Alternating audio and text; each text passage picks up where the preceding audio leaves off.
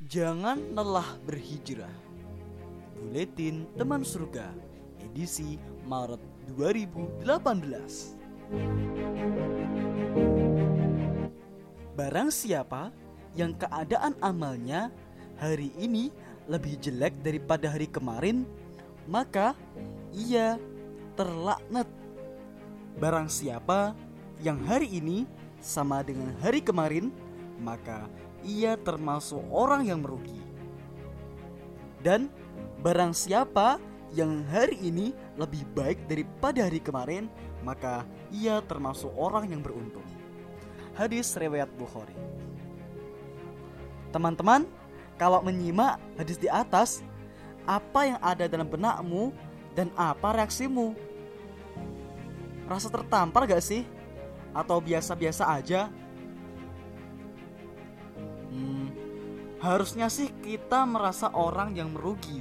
Kalau nyatanya kita hari ini tidak lebih baik dari hari kemarin. Sebaliknya, kita bakal bahagia banget kalau hari ini bisa lebih baik dari hari kemarin.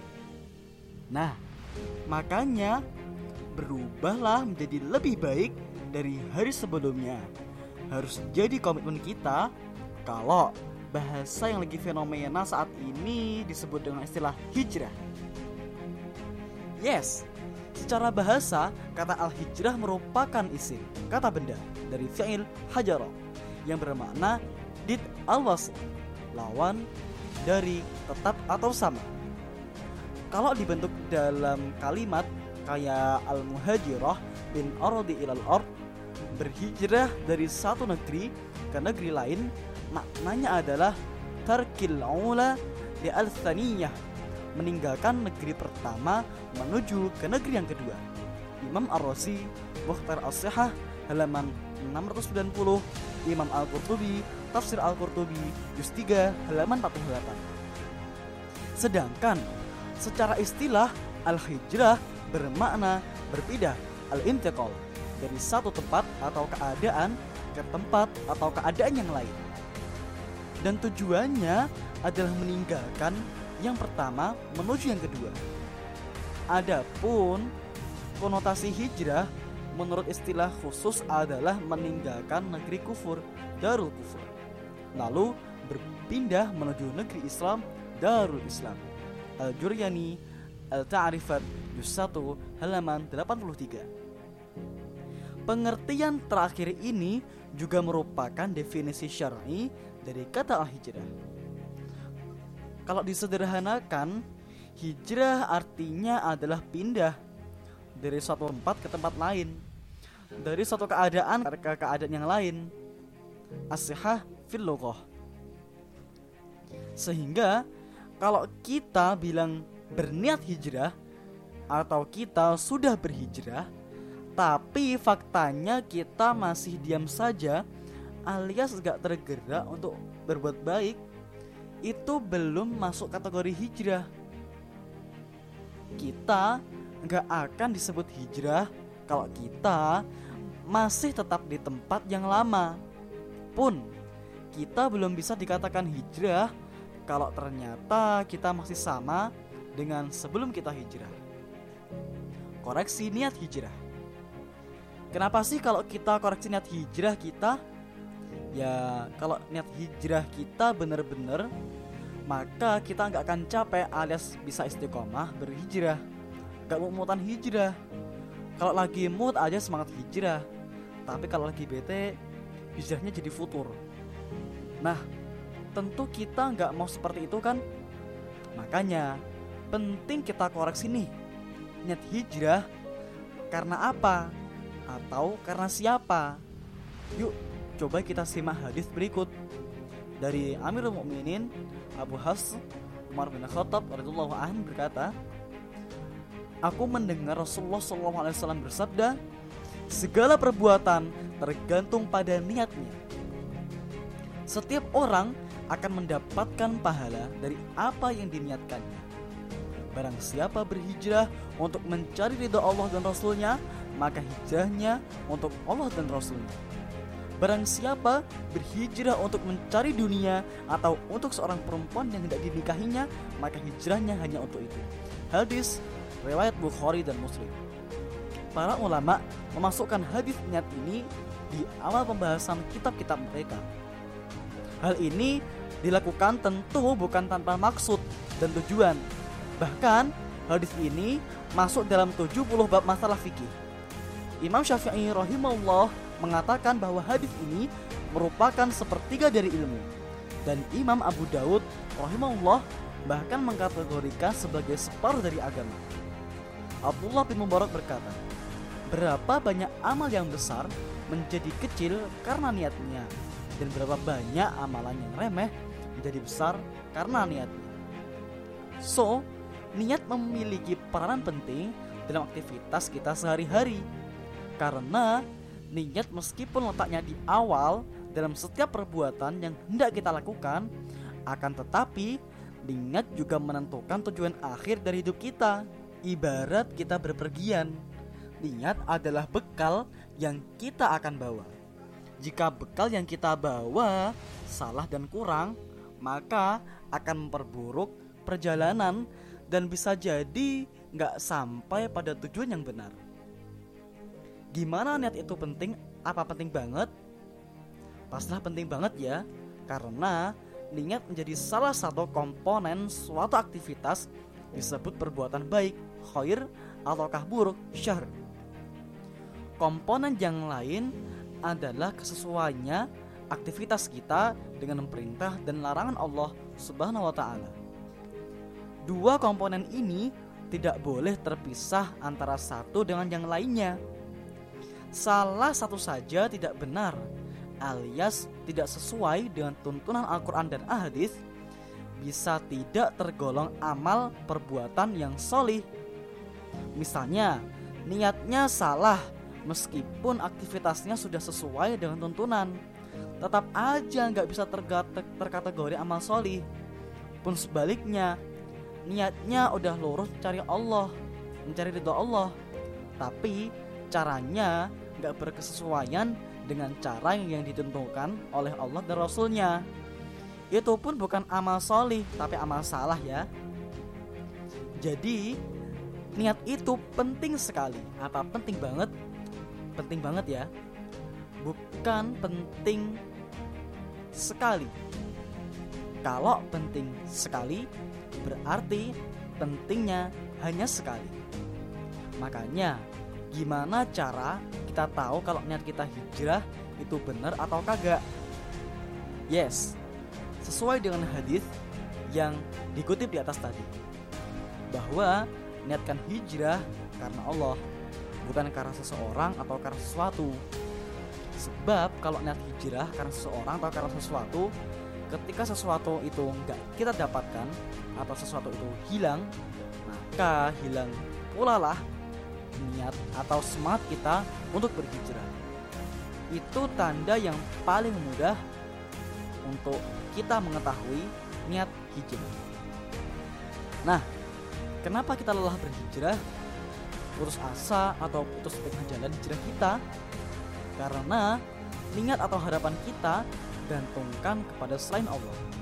Maka benarlah apa yang disampaikan oleh Ali bin Abi Thalib radhiyallahu an bahwa Aku sudah pernah merasakan kepahitan dalam hidup dan yang paling pahit adalah berharap kepada manusia. So, yuk luruskan niat kita hijrah semata-mata karena Allah. What next? Terus apa langkah selanjutnya biar hijrah kita istiqomah? Apakah cukup meluruskan niat? Enggak dong. Niat itu hanya sebagai langkah awal. Selanjutnya, kita pasti action. Nah, di tataran action ini kita harus ngapain agar kita bisa istiqomah atau enggak lelah ketika berhijrah. Tapi sebelum itu, kita mengajak teman-teman sadar, sadar diri. Kira-kira selama ini posisi kita sudah hijrah atau belum? Terutama ketika ngelihat fakta-fakta kerusakan yang ada di sekitar kita jujur aja setuju banget kan kalau kita sampaikan bahwa fakta yang ada di sekitar ini rusak, mobil khusus tentang remaja ya. Ada pergaulan bebas, ada perkantor sekolah, dan masih banyak lagi. Nah, ngelihat fakta yang kayak gitu, kita memilih untuk hijrah. Maksudnya, hijrah dari perbuatan yang kayak gitu menjadi muslim yang lebih baik. Tapi persoal persoalannya kita hijrah nggak bisa dan nggak boleh sendiri. Berat, kamu gak akan sanggup. Makanya hijrah kudu rame-rame. Kalau kita sedang dan sudah hijrah, maka kita nggak boleh diri sendiri atau nafsi-nafsi. Kita kudu peduli dengan keadaan di sekitar kita, teman-teman kita yang belum hijrah, sebab bisa jadi hijrahmu jadi berat atau lelah karena masih terpengaruh oleh keadaan atau teman-teman lama kamu. Makanya kita nggak boleh cuek sama keadaan di sekitar kita.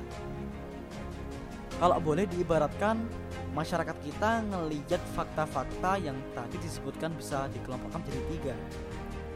Kelompok bermain, penonton, dan masyarakat luar.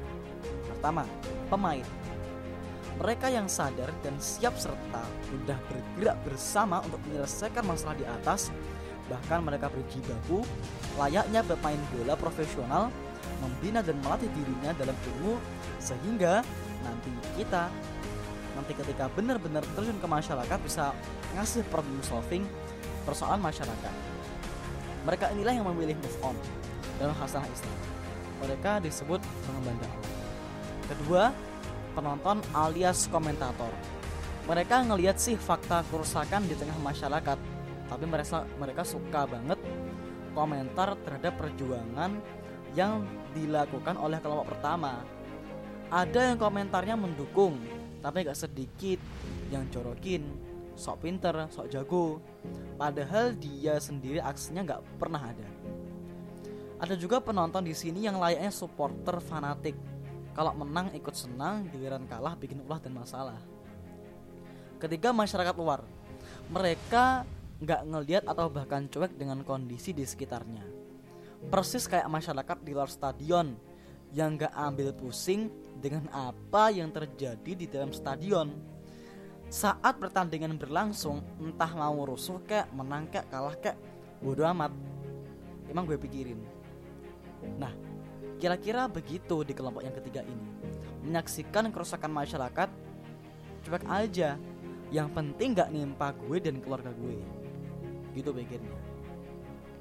Jangan sampai ya, kita ada di kelompok ketiga maupun kedua yang sekedar komentar apalagi cuek dengan kondisi kerusakan di sekitar kita. Kita kudu di kelompok pertama karena hijrah itu menunjukkan care kita hijrah itu kontribusi yang bisa kita sumbangkan atas problematika di negeri ini. So, apakah kita masih diam saja layaknya kelompok ketiga atau hanya jadi penonton? Kayaknya kelompok dua. Kalau iya, maka itu tandanya kita masih belum berhijrah. Tips hijrah istiqomah. Pastikan kamu tidak berada di comfort zone, zona nyaman yang keliru Maksudnya seseorang gak akan merubah posisinya kalau dia merasa bahwa posisinya sekarang nyaman-nyaman aja.